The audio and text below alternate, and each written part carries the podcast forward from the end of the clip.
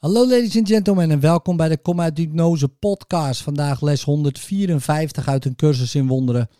Ik ben een van de dienaren van God.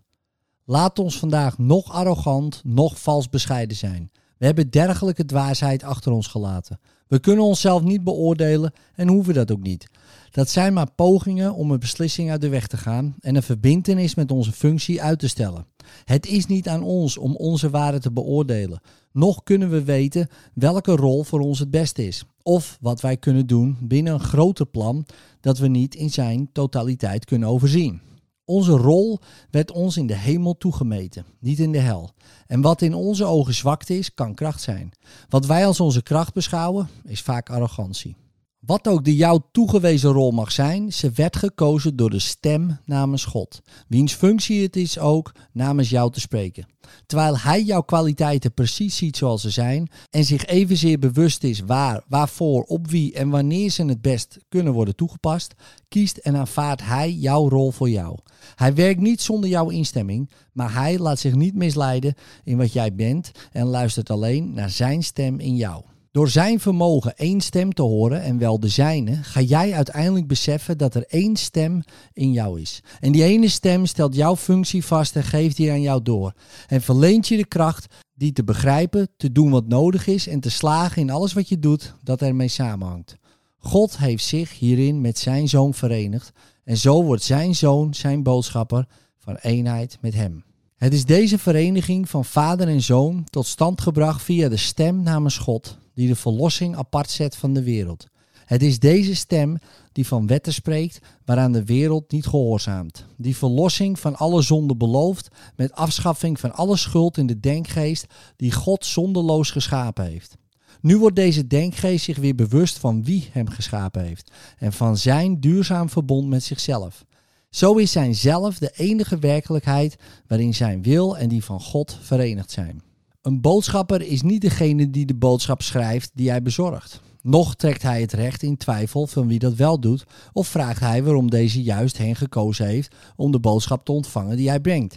Het is voldoende dat hij haar in ontvangst neemt, haar aan degene geeft voor wie ze is bestemd en zijn rol op zich neemt in de bezorging ervan. Als hij bepaalt wat de boodschappen moeten zijn of wat hun doel is, of waar ze heen moeten worden gebracht, dan verzuimt hij zijn juiste rol te spelen als brenger van het woord. Er is één belangrijk verschil in de rol van de boodschappers van de hemel, dat hen onderscheidt van die welke de wereld aanstelt. De boodschappen die zij bezorgen zijn eerst voor hen bestemd. Pas wanneer zij die voor zichzelf kunnen aanvaarden, zijn ze in staat ze verder te dragen en ze overal te geven waar ze waren bedoeld. Net als aardse boodschappers hebben zij de boodschappen die ze brengen niet zelf geschreven, maar zij worden in de meest ware zin de eerste ontvangers ervan, die ontvangen ter voorbereiding om te geven. Een aardse boodschapper vervult zijn rol door al zijn boodschappen weg te geven. De boodschappers van God voeren hun taak uit door zijn boodschappen aan te nemen als zijnde voor zichzelf. En ze tonen dat ze de boodschappen begrijpen door deze weg te geven. Ze kiezen geen rollen die hun niet op zijn gezag gegeven zijn. En zo winnen ze bij elke boodschap die ze weggeven. Wil jij Gods boodschappen ontvangen? Want zo word jij zijn boodschapper. Je bent nu aangesteld en toch wacht je ermee de boodschappen te geven die jij ontvangen hebt. En bijgevolg weet jij niet dat ze van jou zijn en herken je ze niet. Niemand kan ontvangen en begrijpen dat hij ontvangen heeft totdat hij geeft. Want in het geven ligt zijn eigen aanvaarding van wat hij heeft ontvangen. Jij, die nu Gods boodschapper bent, ontvang zijn boodschappen. Want dat maakt deel uit van de jou toegewezen rol. God heeft niet nagelaten jou te geven wat je nodig hebt, nog is het onaanvaardbaar gebleven. Toch moet nog een ander deel van de jou toegewezen taak worden volbracht. Hij die de boodschappen van God voor jou ontvangen heeft, zou graag zien dat ze ook door jou ontvangen werden. Want zo vereenzelvig jij je met Hem en maak je aanspraak op wat van jou is. Het inzien van deze verbinding is wat we vandaag op ons nemen. We streven er niet naar onze denkgeest afgescheiden te houden van Hem die voor ons spreekt. Want we horen niets dan onze eigen stem, als wij aandachtig luisteren naar Hem. Hij alleen kan tot ons en voor ons spreken, omdat Hij in één stem het krijgen en het geven van Gods woord, het geven en ontvangen van Zijn wil verenigt.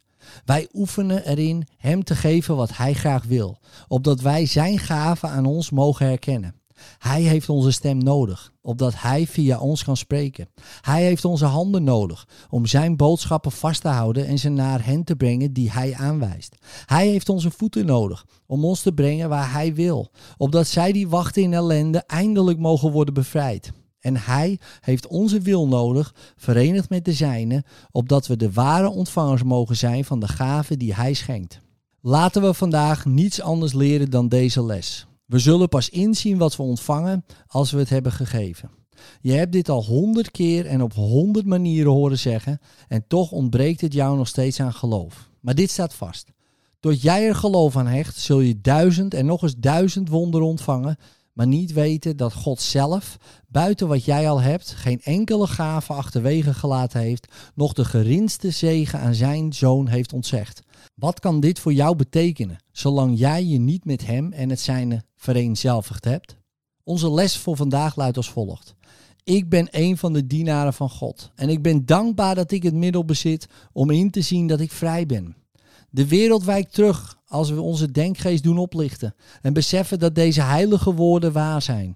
Ze vormen de boodschap die ons vandaag vanwege onze schepper wordt gezonden. Nu demonstreren we hoe ze onze gedachten over onszelf en wat onze functie is hebben veranderd. Want wanneer we bewijzen dat we geen wil aanvaarden die we niet delen, zullen de vele gaven die wij van onze schepper krijgen ons in het oog springen en in onze handen vallen en zullen we inzien wat we ontvangen hebben. In liefde, tot morgen.